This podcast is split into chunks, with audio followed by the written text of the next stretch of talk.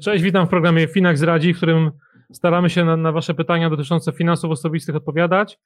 No nie ukrywajmy, że jesteśmy w takim okresie i momencie yy, dziejów, że, że najwięcej nas interesuje to, co się dzieje za naszą wschodnią granicą yy, w Ukrainie i wpływ tego oczywiście na, na, na nasze portfele. Yy, mam dzisiaj fajnego gościa, którego pewnie już znacie. Cześć Jacek. Cześć Przemek, witam serdecznie wszystkich. Y, Jacka znacie, y, jest blogerem bardzo znanym, który kilka razy wziął pod lupę usługi Finaxa. Y, no i dzięki temu, że ma takie narzędzie, system trader, ale o tym pewnie sam więcej za chwilę wam powie, to narzędzie umożliwia weryfikację różnych hipotez i tez i, i, i jest masa blogerów i twitterowiczów i różnych ekspertów, zwłaszcza w takich okresach rynkowej niepewności, którzy mm, serwują nam różne bonmoty, natomiast rzadko kiedy pokazują liczby. Y, Jacek ma to, ma to do siebie, że raczej bazuje na liczbach, pewnie dlatego, że, że jest informatykiem. Powiedz nam coś więcej, Jacku, o tym, o, tym, o tym twoim narzędziu i jak ono działa i jak z niego korzystasz. Okej, okay, no faktycznie jestem informatykiem, jestem programistą, więc y, ponieważ też y, jak gdyby moją drugą pasją są rynki finansowe i, i robię to od lat, Szukałem narzędzia, które samo, e, samego, e, sam mógłbym z tego korzystać, no i zbudowałem sobie po prostu oprogramowanie. E, I docelowo to nawet nie myślałem, że będzie w ogóle jakiekolwiek komercyjne rozwiązanie. Natomiast y, generalnie za, za zadanie, czy głównym zadaniem tego oprogramowania jest to, żeby móc weryfikować wszelkie opinie na bazie danych, no bo opinie powiedzmy sobie każdy może mieć i często widzimy różne opinie, tylko później się okazuje, że jak je zweryfikujemy z rzeczywistością, to one się dość mocno rozmijają. Więc w tym oprogramowaniu są po pierwsze wbudowane dane i to takie dane sięgające nawet początku XX wieku, mm, a po drugie y, można też brać y, bieżące dane, więc nie tylko, że można spróbować wytestować, zasymulować portfel za bardzo długi okres, ale można też go później prowadzić na bieżąco, czy też monitorować. Natomiast to, co jest y, kluczowe, bo czasami jest taki zarzut, że ludzie mówią, no dobra, ale po co mi wiedzieć, jak się tam 100 lat temu rynki zachowywały, wolałbym wiedzieć, jak się będą zachowywały w przyszłości. No, no niestety tutaj jak gdyby smutna wiadomość jest taka, że nie mamy danych z przyszłości, natomiast jest z kolei taka konkluzja, jak się analizuje te dane historyczne, że ta historia może nie powtarza się dokładnie tak, jak y, to już widzieliśmy, ale ona się bardzo mocno e, gdzieś tam rymuje, jak to mówił właśnie Mark Twain, czyli rezonuje to, co było i mm, oczywiście powody mogą być różne, różnych rzeczy, które się dzieją na rynku, ale jak gdyby efekt zwykle jest bardzo podobny, tak? No i w tej aplikacji dzięki temu, że możemy to zweryfikować, to możemy niejako odrobić lepiej to zadanie domowe. Nawet jeżeli jesteśmy inwestorem pasywnym, który w gruncie rzeczy nie powinien niczego przewidywać, to y, odrabiając takie zadanie domowe, czyli będąc takim dobrym studentem historii rynków finansowych, jeżeli mamy sytuację podbramkową, jak obecnie chociażby dzisiaj, e, sytuacja geopolityczna w naszym regionie, znaczy Polski i w ogóle Europy jest mocno zaogniona, to my możemy e, przynajmniej starać się spać spokojnie, w tym sensie, że, że mamy konkretny plan, wiemy, co się działo w podobnych sytuacjach i po prostu możemy ten plan realizować. Nie musimy przebierać nogami, nie musimy przede wszystkim odwoływać się do guru, którzy nas zapraszają na jakieś gorące mm, nie wiem, e, webinary, gdzie tam e, powiedzą nam, jakie są typy inwestycyjne, co robić w czasie wojny, właśnie co kupować, czego nie kupować, bo tak naprawdę nikt tego nie wie. Trzeba po prostu realizować swój plan. No i, i, i myślę, że taka aplikacja właśnie pozwala na to, żeby być bardziej świadomym inwestorem. Mhm. Czyli z Twojego punktu widzenia konflikt na Ukrainie, wojna na Ukra w Ukrainie yy, nic nie zmienia, tak? W podejściu do inwestowania, w budowie portfela. Dokładnie tak. To znaczy, jeżeli ktoś teraz pod wpływem tego, co się dzieje, nagle zmienia swoją strategię, to znaczy, że tak naprawdę nie odrobił wcześniej dobrze zadania domowego i to była tylko taka namiastka strategii, ale nie do końca jednak to było przemyślane. Ja już pomijam fakt, jak ktoś w ogóle inwestował y, na przysłowiową pałę i nie miał żadnego planu działania i nagle e, został, że tak powiem, zastany e, ze spodenkami e, ściągniętymi w dół, bo stało się to, co się stało. Teraz, jeżeli ktoś próbuje naprawiać to, co się wydarzyło już po fakcie, to jest musztarda po obiedzie, tak? Znaczy, z perspektywy inwestora pasywnego, a myślę, że w Finaxie tutaj możemy głównie mówić o inwestowaniu pasywnym, przede wszystkim o takim inwestowaniu, to jak gdyby to, co się stało, jakkolwiek to jest straszne i, i, i przerażające, zwłaszcza dla osób, które mieszkają w Polsce, gdzie to się dzieje za miedzą, to pod względem strategii inwestycyjnej to nie powinno zmieniać absolutnie niczego, a wręcz powiedziałbym więcej, to powinno nas e, wręcz e, utwierdzać w przekonaniu, że to, co robimy, jest słuszne, bo takie inwestowanie właśnie oparte o globalny koszyk akcji, mm, również zagranicznych obligacji. Myślę o tym sobie też warto później wspomnieć, bo to w szczególności gdzieś tam mocno czasami jest dyskusyjne z perspektywy e, polskich inwestorów, to właśnie taki globalny portfel jest y, najlepszą odpowiedzią na takie sytuacje. I tutaj nie trzeba niczego, że tak powiem, ad hoc y, zmieniać. Tak? Jeżeli ktoś pod wpływem przeżywanych teraz emocji nagle stwierdzi, że on musi kupować euro, dolary, no to to sorry, ale to jest trochę za późno, tak? No bo teraz co, czekamy na, na wybuch wojny po to, żeby kupować waluty, no to jest chyba najgorszy możliwy moment. Y, y, ja oczywiście nie chcę tutaj snuć jakichś negatywnych scenariuszy i, i, i, jako optymista czy chcę być tu optymistą, że, że to wszystko tutaj będzie zażegnane i będzie mieć pokój, ale generalnie z perspektywy inwestora to nie powinniśmy starać się dopasowywać nagle strategii pod kątem tego, co się dzieje, tylko ta strategia powinna być odporna i nawet na tak skrajne sytuacje jak, jak konflikty zbrojne. No okej, okay, bo, ja, bo ja przyznam, że jakby pomysł na zaproszenie ciebie do tego programu się zrodził jeszcze przed konfliktem yy, za naszą wschodnią tak. granicą i rzuciłem ci takie hasło home bias, czyli bliższa koszula ciału na rynku, na rynku inwestycyjnym i jak to się przekłada na, na, na, wyniki portfeli, czyli zjawisko, które chyba nie jest tak naprawdę tylko i wyłącznie polskim zjawiskiem, ale w Polsce wydaje mi się, że jest stosunkowo nasilone, że wydaje nam się, że wiemy więcej o polskim rynku, więc kupujemy więcej polskich akcji i polskich obligacji do portfela, podczas gdy nie wiem, ten, ten nasz udział w indeksach, nawet po porzuceniu nas do, przez niektórych dostawców indeksów do, do rynku wschodzącego, no to jest ciągle tam e, kilka promili maksym, maksymalnie. E, ty też śledzisz Polskę e, trochę z oddali, czyli z, czyli z Brukseli. Czy w Belgii też jest tak, że, że, że Belgowie inwestują troszeczkę bardziej w, w swoje akcje i, i od razu poproszę cię o to, o to, żebyś jakby pokazał, jakie to ma reperkusje dla, dla naszych portfeli, waszych portfeli. Mhm. Znaczy, ja nie znam tutaj jak gdyby takich statystyk, jak to wygląda w, w Belgii, natomiast generalnie to, o czym powiedziałeś, home bias jest powszechną rzeczą na całym świecie, tylko że Belgowie mają nieco więcej szczęścia w tym znaczeniu, że nie mają waluty y, polskiego złotego, tylko mają euro, która jest walutą rezerwową na świecie obok dolara. Więc y, w tym kontekście już chociażby ktoś, kto mm, mieszka w Belgii, ma, zwłaszcza w takich podbramkowych sytuacjach, y, bezpieczniejszy portfel, nawet jeżeli by przeważał ten lokalny rynek. Natomiast y, z perspektywy inwestora w Polsce konsekwencje takiego działania mogą być poważniejsze, niestety. Aczkolwiek, bez względu na to, gdzie mieszkamy, nawet jeżeli byśmy mieszkali w Stanach Zjednoczonych, to również nie powinno się przeważać tego rynku, chociaż Stany Zjednoczone to stanowią dziś ponad 50% e, światowego tortu rynku akcji, a Polska dla jasności to jest mniej niż 1,1%. Tak? Nie, nawet nie mówimy o 1%, to jest mniej niż 1,1%. Więc e, w tym, z tej perspektywy no na pewno trzeba o tym pamiętać i zwłaszcza, że mm, jakoś tak kilka dni temu, czy kilkanaście dni temu widziałem, taka była grafika w internecie, gdzie pokazywane było, że w Polsce między innymi w Polsce 90% e, portfela polskich inwestorów jest właśnie ulokowana w Polsce. I generalnie wygląda to dość podobnie na świecie. Znaczy, są kraje, gdzie ta, ta, ta, ta proporcja jest nieco inna, ale generalnie jest ta tendencja, że tam, gdzie mieszkamy, tam yy, przeważamy te swoje aktywa. I jest takie właśnie poczucie, że jak gdzieś mieszkamy, to znaczy, że lepiej znamy te realia i, i, i, i po prostu jest bezpieczniej. No, byłbym bardzo z tym ostrożny. Natomiast yy, tak jak raz jeszcze to podkreślę, tutaj jeżeli chodzi o perspektywę Belgii, to tyle jest, można powiedzieć, bezpieczniej, że jednak to jest strefa euro, cokolwiek można by złego, negatywnego też powiedzieć.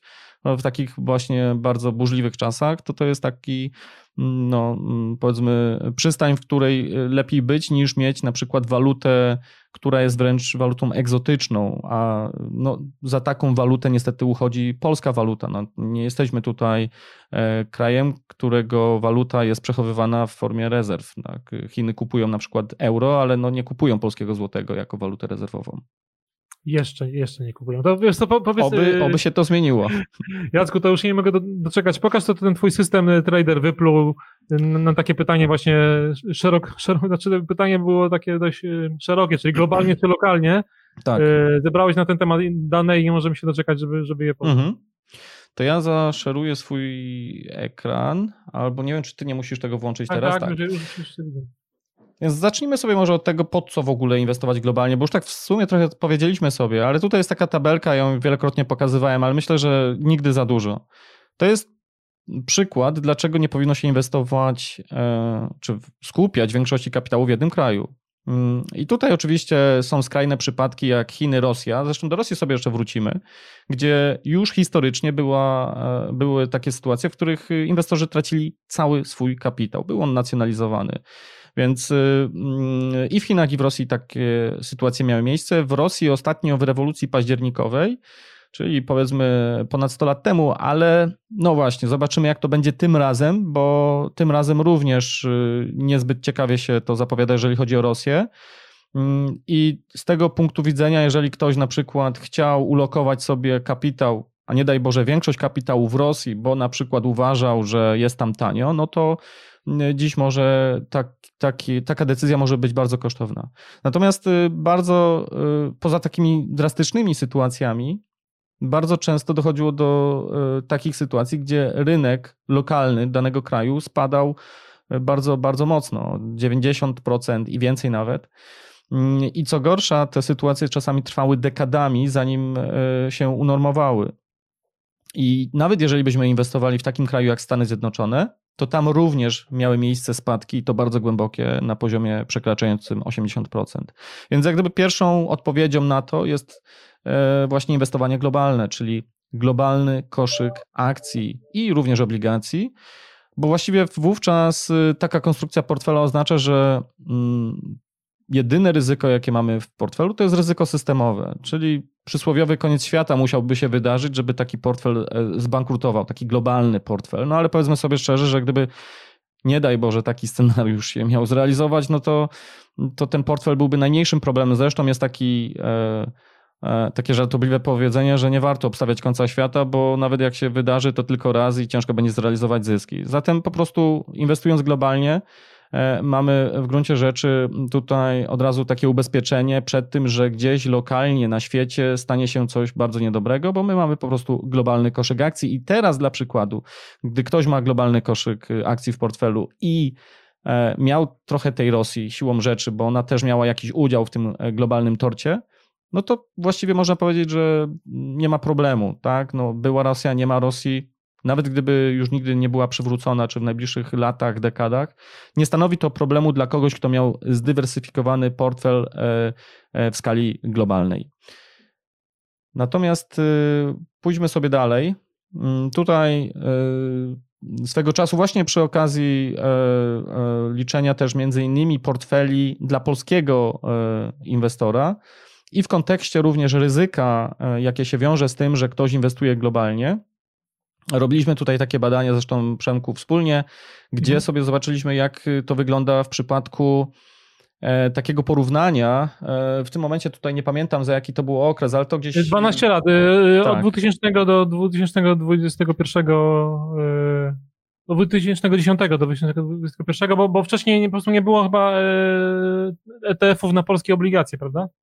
Tak, y, tam y, jeżeli chodzi o EDO czy TBSP e, jest tak, tak. ograniczenie. Tak. tak, więc y, no ale nawet ten krótki okres pokazuje kilka ważnych rzeczy, bo głównie taki argument przeciwko inwestowaniu globalnemu e, inwestorów z Polski jest taki, że no ja mieszkam w Polsce, więc y, mamy polskiego złotego i nie chcę mieć ryzyka walutowego.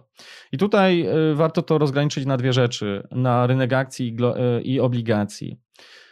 I generalnie coraz więcej osób się przekonuje, że jeżeli chodzi o rynek akcji, to ok, godzimy się na to, żeby tam nie było e, mm, zabezpieczenia do polskiej waluty, bo mając zagraniczne obligacje, znaczy akcje, to de facto mamy też taki dodatkowy koszyk dywersyfikujący w postaci właśnie obcych walut, e, ten nasz portfel. I to jest ok, i to jest dobre i nie warto e, e, takiego portfela zagranicznego, jeżeli chodzi o akcje, zabezpieczać. Natomiast ciekawa jest rzecz taka, jeżeli chodzi o obligacje, że tutaj się mówi tak, że i to jest prawdą, że jeżeli byśmy sobie przeliczyli zagraniczne obligacje do polskiego złotego, to ich charakterystyka jest bardzo zbliżona do rynku akcji. A obligacje w portfelu mają za zadanie stabilizować ten portfel. No więc siłą rzeczy, jeżeli ktoś ma w portfelu e, obligacje zagraniczne, no to jeżeli sobie przeliczymy to do polskiego złotego, no to ta funkcja stabilizująca nie jest niby wykonana. I to jest nawet nie niby, tak faktycznie jest. Ale warto sobie zadać inne pytanie. Czy jeżeli my budujemy portfel i inwestujemy przez dekady, a później przez dekady, daj Boże, jak najdłużej e, konsumujemy ten portfel, to czy my e, faktycznie obstawiamy taką sytuację, w której boimy się, że mm, będziemy musieli w ciągu jednego dnia portfel, który budowaliśmy przez kilka dekad, zamienić na złotówki? No nie, raczej jak będziemy nawet konsumować ten portfel, to będziemy to robić dekadami, czyli nawet wówczas będziemy e, ten portfel mogli przeliczać do polskiego złotego po różnych kursach. Raz w momencie, kiedy polski złoty jest mocny, innym razem, kiedy jest słaby i to się gdzieś tam uśrednia. Natomiast mamy przede wszystkim zabezpieczenie takie, że gdyby, nie daj Boże, coś się stało e, bardzo niedobrego z polskim złotym, to my mamy e, portfel globalny, który jest, e, który za zadanie ma pracować na głównych walutach euro, dolarze. No i tu widać ewidentnie, że polskie akcje to w ogóle powiedzmy no, nie miały najlepszego okresu, powiedzmy sobie wprost, więc jak widzimy tutaj najgorzej wypadły w tym, w tym zestawieniu. Obligacje jak gdyby tutaj e, wiele nie zmieniły, znaczy złagodziły trochę spadki, no ale dalej, jeżeli chodzi o stopę zwrotu, to, to nie było to coś, e, no, co mogłoby e, budzić podziw, gdybyśmy spoglądali na to, co się działo na rynku globalnie. I dla przykładu taki portfel 60-40 globalny zarabiał praktycznie 3 punkty procentowe więcej niż polski rynek, taki z obligacjami polskimi. E, I to mówimy e, o takiej sytuacji, e, gdzie mamy 60% akcji polskich w portfelu i 40% polskich obligacji. Ale nawet gdybyśmy sobie przeliczyli ten portfel globalny na złotówki, to okazuje się, że wcale nie jest tak źle, jakby się mogło wydawać, bo nagle się okazuje, że to właśnie ten portfel ma paradoksalnie najmniejszą, najmniejsze obsunięcie. Czyli, żeby to dobrze wybrzmiało, zwłaszcza jak ktoś nie widzi tego, co my tu pokazujemy i być może nas słucha. Portfel 60% akcji globalnych i 40% obligacji zagranicznych po przeliczeniu do polskiego złotego okazuje się, że ma lepszy wynik niż e, taki portfel, dokładnie ten sam, z perspektywy nawet kogoś, kto mieszka, dajmy na to, na Słowacji i ma euro. To znaczy, z czego to się bierze? To się bierze z tego, że w takich momentach podbramkowych polski złoty się osłabia, tak? bo jest ucieczka od polskiej waluty do mocniejszych walut. Czyli właśnie wtedy, kiedy te obligacje nas mają chronić, to tutaj e, e, jest taka sytuacja, że my dodatkowo jako inwestor z Polski po przeliczeniu do polskiego złotego jesteśmy chronieni też przez walutę euro. I e, w euro maksymalny spadek wynosił 16%, a w polskim złotym 10%. Również zmienność takiego portfela była, była, była mniejsza, E, czyli okazuje się, że ten polski złoty właśnie w tych y, mm, złych czasach e, no niestety ciąży nam, a mając właśnie w portfelu obce waluty, to nam pomaga. No i dokładnie to widzimy tutaj na tym przykładzie, że ten portfel 60-40 paradoksalnie lepiej się zachowuje, pomimo że jest zagraniczny, E, paradoksalnie lepiej się zachowuje w polskim złotym niż nawet y, z perspektywy kogoś, kto mieszka w strefie euro i, i, i przelicza sobie ten portfel do, do euro. Także to jest dość, dość ciekawe i wręcz y, może być zaskakujące. Natomiast to pokazuje jednoznacznie, że to ryzyko wcale nie jest takie straszne, jakby się nam mogło wydawać. Mało tego, warto to ryzyko y, po prostu podjąć. Poza tym, myśląc o ryzyku waluty, obcej w portfelu z perspektywy inwestora z Polski, y, my generalnie boimy się takiej sytuacji, w którym ten polski złoty długofalowo by się miał umacniać. Czyli gdybyśmy byli drugą Szwajcarią nagle i nagle polska waluta, daj Boże, żeby się taki scenariusz y, zrealizował, ale to jest właśnie takie zakładanie scenariusza, w którym na trwał, w długim okresie polski złoty by się umacniał, no i my z perspektywy polskiego inwestora byśmy byli na tym stratni. E, ale jeżeli my się boimy takiego scenariusza, to, dla, to tym bardziej się powinniśmy bać innego scenariusza, dokładnie przeciwnego, że polski złoty trwale się będzie osłabiał. A wtedy, jeżeli my mamy, im więcej mamy polskiej waluty w portfelu, tym niestety dla nas jest gorzej. Dlatego mm, no, trzeba sobie tutaj umieć samemu to wyważyć, bo dla jasności tutaj nie ma jak gdyby złotej reguły, ile trzeba mieć polskiej waluty w portfelu, żeby było dobrze. Pokazujemy tylko, że posiadanie nawet w większości kapitału w obcej walucie wcale nie musi być złym pomysłem, zwłaszcza, że zwykle nie jest tak, że konsumujemy ten kapitał w ciągu jednego dnia i dziś jest akurat niekorzystny kurs wymiany mm, euro do, do złotówek, no i my będziemy stratni. Zwykle to trwa wiele, wiele lat, więc to się uśrednia. A powiedz jeszcze, jakiś kto cię złapie tutaj, mówiłeś tak. o, tym, o, o, tych polskich obligacjach, bo często się mówi, y, patrząc na Finax i na portfele Finaxa, że my mamy jednak te obligacje mm, denominowane w euro, więc z punktu widzenia polskiego inwestora nie do końca one pełnią taką rolę właśnie stabilizującą. Y, jak ty właśnie na to patrzysz też w, kontekście tego, co się te, teraz działo na rynku w ostatnich tygodniach, że właśnie de facto wszystko, wszystko co, co, co po, po polskie czy co wschodnioeuropejskie traciło, nie? Wiesz, tutaj ktoś może sformułować zarzut y, do mnie, że sam mieszkam w Eurolandzie, więc wiesz, zarabiam, wydaję w euro. To mi się łatwo mądrzyć, ale mm, jak spojrzymy na dane, to ewidentnie widać, że y, ktoś, kto miał w portfelu nawet większość obcych walut, to tak naprawdę po przeliczeniu e, do złotówki, to to była właśnie ta rzecz, która najmocniej chroniła ten portfel. Wręcz mogło być tak, że e, były spadki na globalnych rynkach akcji, a po przeliczeniu do złotówki e, on był zamortyzowany ten spadek i mógł być nawet y, zysk, no bo mieliśmy nagle euro nawet po 5 zł przez chwilę, czy tam prawie 5 zł, tak?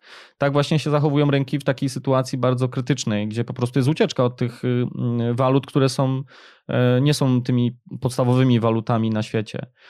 Więc ewidentnie tutaj widać, że nawet jeżeli ktoś miał polskie obligacje, albo może inaczej popatrzmy na to, ktoś sobie powie, ja jestem bardzo defensywnym inwestorem i chcę mieć 50% y, obligacji EDO, tak, y, indeksowanych do inflacji. Dość są popularne w Polsce właśnie takie obligacje, czy jakiekolwiek obligacje skarbowe.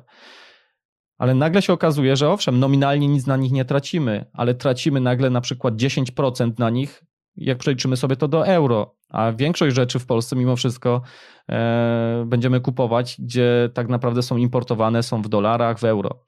Więc y, łatwo się tutaj oszukiwać w ten sposób, że tylko spoglądamy na te wartości e, w polskim złotym i to jest taka e, rzecz, do której mocno dążymy, ale ucieka nam jak gdyby z horyzontu to ryzyko znacznie gorsze, znaczy takie, gdzie naprawdę na trwale e, ta waluta polska by uległa, uległa osłabieniu i wtedy możemy naprawdę dużo stracić. No przykład to jest Rosja. E, ktoś, kto miał oszczędności życia e, w rublu, no to dzisiaj liczy bardzo potężne straty.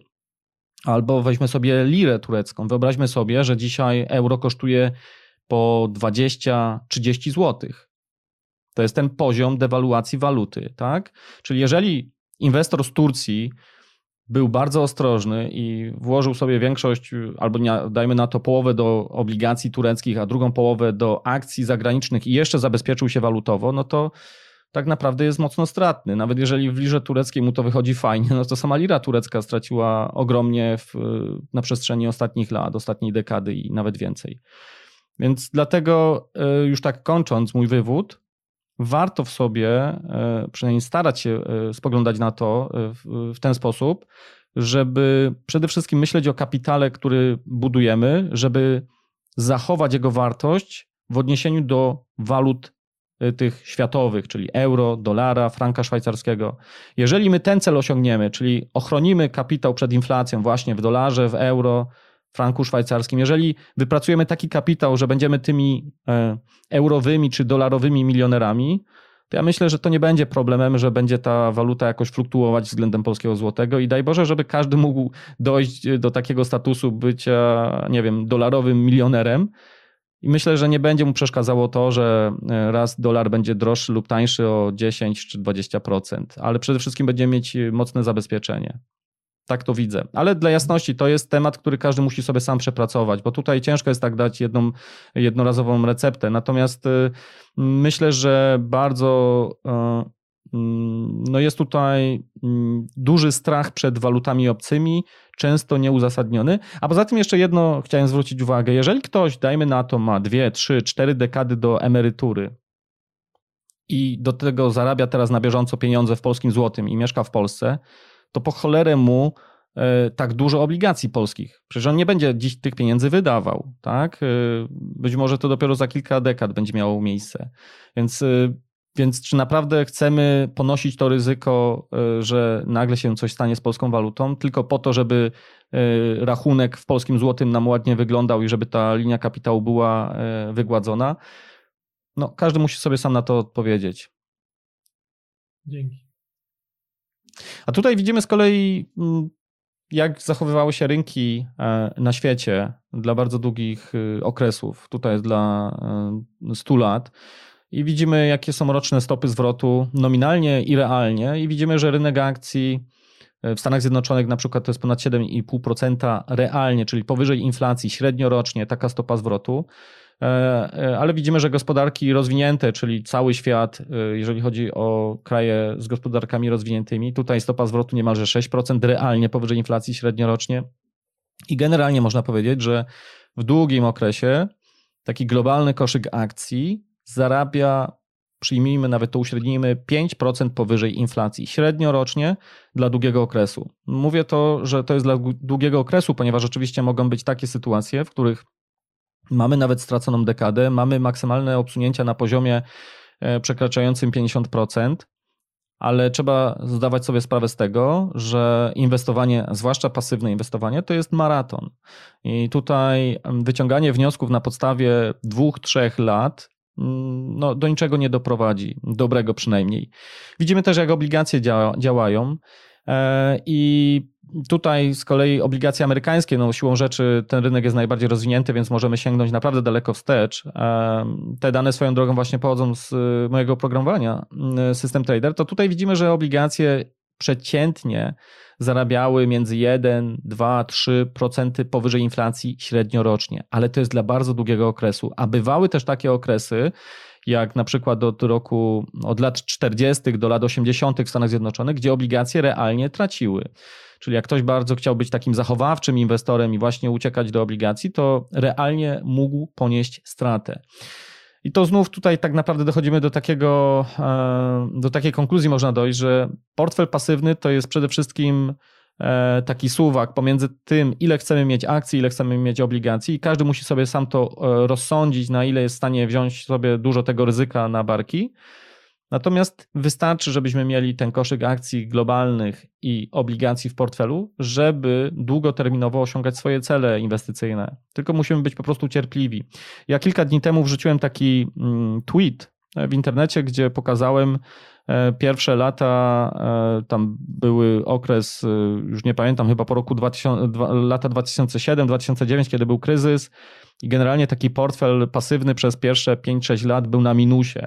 I to jest coś, co się może przytrafić. Ale później e, przez kolejną dekadę, nawet ponad dekadę, mieliśmy piękne wzrosty i po 15 latach okazuje się, że taki portfel bardzo ładnie zarabia.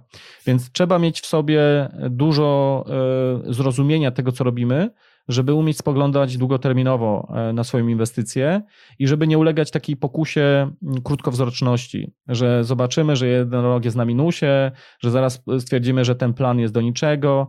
No nie, my musimy nawet robiąc coś bardzo prostego, a inwestowanie pasywne czysto technicznie e, jest proste, to musimy mieć w tym dużo zrozumienia i wiedzieć, że gramy tutaj w grę długoterminową, a prawdopodobieństwo wygrania tej gry przez nas jest y, bardzo duże.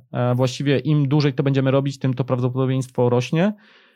A jak już mówiłem wcześniej, obstawianie negatywnego scenariusza, czyli końca świata, po prostu zwyczajnie nie ma, nie ma sensu. Mhm. Czyli dyscyplina i wyłączenie emocji. No to tak. Łatwo się mówi, ale, ale potem przychodzi, wiesz, y, włączenie telewizora już od razu coś tam y, zaburza w Dokładnie. percepcji tego, co, co, co widzimy. Nie? Dokładnie. I tutaj tak na szybko ja wrzuciłem kilka portfeli pasywnych, nie tylko pasywnych, też jest indeks, jest strategia aktywna, ale skupmy się na tych pasywnych. Więc widzimy, że za e, pół wieku taki prosty portfel 60-40, o jakim wcześniej mówiliśmy, czyli 60% akcji, 40% obligacji, on zarabiał e, tutaj, to są wyniki w dolarze amerykańskim i uwzględniające inflację amerykańską, ale on zarabiał e, ponad 6% powyżej inflacji średnio rocznie i tracił w międzyczasie tam nieco ponad 30%. Więc to jest coś, co nas powinno interesować. Bardzo długa perspektywa. A poza tym musimy sobie jeszcze zdać sprawę z tego, że jeżeli w ogóle chcemy inwestować, to zwykle robimy to z perspektywy kogoś, kto nie jest profesjonalnym inwestorem, który będzie od rana do wieczora czytał raporty spółek i będzie tutaj jakieś prognozy się starał tworzyć tylko mamy zwykle swoje życie zawodowe, prywatne i my powinniśmy jak najmniej poświęcać czasu na to inwestowanie i pozwolić po prostu rynkowi pracować. Ja nie wiem, czy to jest na kolejnym slajdzie, zaraz sobie zerknę. E, zrobiłem nawet takie kiedyś obliczenie właśnie takich dwóch inwestorów, a czas to jest nasz ograniczony zasób. Pieniądze zawsze możemy zarobić, ale czasu każdy z nas ma ileś tam dane, że tak powiem, w życiu i koniec. Więcej e, no, może nie być drugiego życia, więc Załóżmy sobie dwa scenariusze. Inwestor A ma 10, y, poświęca 10 godzin na tydzień na inwestowanie, czyli to nawet nie jest taki profesjonalny inwestor, tylko powiedzmy inwestor, który y, dość mocno się angażuje w rynek i powie, powiedzmy, że poświęca na to 10 godzin w tygodniu. Jak obserwuję Twittera, to mam wrażenie, że niektórzy poświęcają 10 godzin dziennie, codziennie na to inwestowanie. Więc tutaj mamy nawet takiego umiarkowanego jeszcze inwestora. Ale teraz weźmy sobie drugiego inwestora, który poświęca jedną godzinę, ale w skali roku. Jedna godzina w skali roku dla inwestowania pasywnego to jest, to jest i tak za dużo. Znaczy, można poświęcić na to nawet kilka minut, ale dajmy na to, że ktoś przez godzinę, nie wiem, będzie się logował do tego rachunku, żeby zobaczyć, co się na nim dzieje i, i jeszcze później będzie chciał po, nie wiem, e, po podziwiać to, co się dzieje w tym portfelu. Więc po 30 latach inwestor, który poświęcał 10 godzin na tydzień, okazuje się, że spędził de facto dwa lata swojego życia na e, inwestowanie. A inwestor, który, mm, który inwestował e, w sposób pasywny, poświęcił 30 godzin, czy 500 razy mniej. Więc pytanie jest takie, czy my chcemy z tego naszego życia wykroić kilka lat po to, żeby być wklejonym e, w monitor i spoglądać na to, co się dzieje. Mm, a co gorsza, większość tych inwestorów na koniec i tak będzie miała gorszy wynik niż ci pasywni inwestorzy. I to jest y, w ogóle paradoks. E, dlatego też y, myślę, że większość z nas, y, o ile nie jest to nasz y, chleb powszedni, to powinniśmy po prostu mm, pozwolić rynkowi wykonać pracę, a my powinniśmy się skupić na życiu, na karierze e, i po prostu cieszyć się tym życiem, a nie ślęczeć przed monitorem. Ta, taka konkluzja. Nie no właśnie, dzięki Jacku, bo, bo nawet nie, nie, spodziewałem się, myślałem, że skupisz się na, na, na, na liczbach, jesteś też informatykiem, myślałem, że na, na, tym się skoncentruję, że to mnie bardzo kręciło, natomiast okazało się, że trochę przywróciłeś, mam nadzieję, też naszych e, słuchaczy i widzów do, do, do, do pionu, czyli do, do tego, e, czego powinni się e, trzymać inwestując i gdzie ich portfel i gdzie ich głowa, jeśli chodzi o portfel, powinna w tym momencie być. Ona powinna być tam, gdzie, gdzie była rok temu, pięć lat temu tak. i kilkanaście lat temu, czyli nie, nie, nie zmieniamy naszej polityki pod wpływem wydarzeń, tak. które, które, które już były w historii i to brutalnie może brzmi, no to nie jest pierwsza wojna, niestety, pewnie też nie ostatnia, niestety. Tak, tak. Y, a, a portfele i giełdy i rynki przetrwały te, te, te, tak. te, te, ciężkie chwile. Tak, no tutaj mogę jeszcze powiedzieć tyle, że e, nie wchodziłeś mi w słowo, więc ja nieco odpłynąłem być może czasami na poboczne te, e, tematy. Natomiast absolutnie zgadzam się z tym, co powiedziałeś. Przez 100 y, lat, które pokazywałem wcześniej wyniki, mieliśmy tam na przykład y, II wojnę światową, e, która nawet w porównaniu do tego, co się obecnie dzieje, to nadal to jest nie ta skala, a mimo wszystko rynki zarabiały. Ja nawet kiedyś wrzuciłem w internecie mm, stopę zwrotu za kilka lat, miesiąc po miesiącu, za kilka lat i z pytaniem, czy ludzie sobie zdają sprawę, jaki to jest okres. I to był okres II wojny światowej. Większość osób wyobraża sobie, że to, to, to było coś strasznego, znaczy w wymiarze takim ludzkim. Oczywiście, że to była ogromna tragedia, natomiast w wymiarze czysto inwestycyjnym to można powiedzieć tutaj niestety cynicznie, że taki biznes as usual. Znaczy w życiu by większość osób nie, nie powiedziała, że to był okres II wojny światowej. Te rynki całkiem dobrze sobie radziły. Oczywiście były poszczególne kraje, jak na przykład Niemcy, jak Japonia, które e, przegrały wojnę i tam były spadki sięgające niemalże 100%. Ale to jest właśnie też kolejny argument, dla którego powinniśmy inwestować globalnie. Tak? Jeżeli ktoś wszystko zainwestował sobie w, w Japonii, zresztą Japonia to jest ciekawy y, przypadek, y, to już tylko tak dokończę, że po II wojnie światowej Japonia straciła niemalże 100%, też blisko 100% prawie była strata. Ale Japonia bardzo szybko się odbudowała, bardzo szybko y, odbudowała swoją gospodarkę i pod koniec lat 80. była największym rynkiem akcji na świecie, nawet większym niż Stany Zjednoczone, ale tak się mocno mm, odbudowywali, że przegrzali, można tak upraszczając powiedzieć, swoją gospodarkę i w pewnym momencie, jak pękła ta bańka, to w, chyba w zeszłym roku w wakacje dopiero pierwszy raz, y, że tak powiem, wypłynęli na powierzchnię wody, znaczy inwestorzy. Czyli jeżeli ktoś y, zainwestowałby sobie na szczycie tej bańki, to musiał czekać ponad trzy dekady, żeby wyjść na swoje.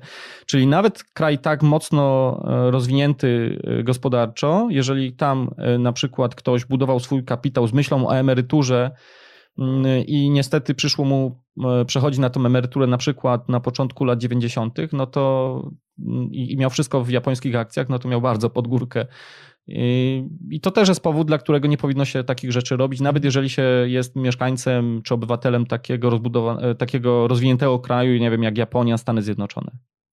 No właśnie, pamiętajmy o tym, mimo że niektóre telewizje nas bombardują takimi informacjami, z których może wynikać, że jesteśmy pępkiem świata, to jest niestety, albo na szczęście nie, nie, nie, jesteśmy. Taką, y, taką perspektywę często mają Amerykanie. Czasami jak robię gdzieś tam wywiady z nimi i to mam wrażenie, że oni mówią o rynkach tak, że no właściwie to jest Ameryka jest w centrum, a reszta to jest international, taki wiesz, no to jest tak jakieś satelity wokół, tak? No ale tak, powiedzmy, tak, samo jak jest, tak samo jak jest NBA czy NHL, oni się uważają za mistrzów świata, zwycięzcy, tak? Tak, tak. Tylko, że no, z perspektywy Amerykanów, powiedzmy, ten punkt widzenia może być bardziej uzasadniony, tak? No jednak y, dzisiaj są te gospodarki bardzo globalne, więc nawet jeżeli ktoś ma akcje, e, no a dzisiaj siłą rzeczy, nawet w globalnym portfelu będzie mieć ponad 50% akcji amerykańskich, mniej więcej w tych wagach to będzie, ale to, jest, y, to są spółki, które działają globalnie, więc, więc y, no, po prostu no, tak to wygląda, że dzisiaj Stany Zjednoczone są numerem jeden. Czy tak będzie? To też jest właśnie dobry aspekt, jeżeli chodzi o inwestowanie pasywne. My się nie musimy zastanawiać, czy Chiny być może będą kolejnym hegemonem. E, I obstawianie takich scenariuszy jest y, bardzo ryzykowne.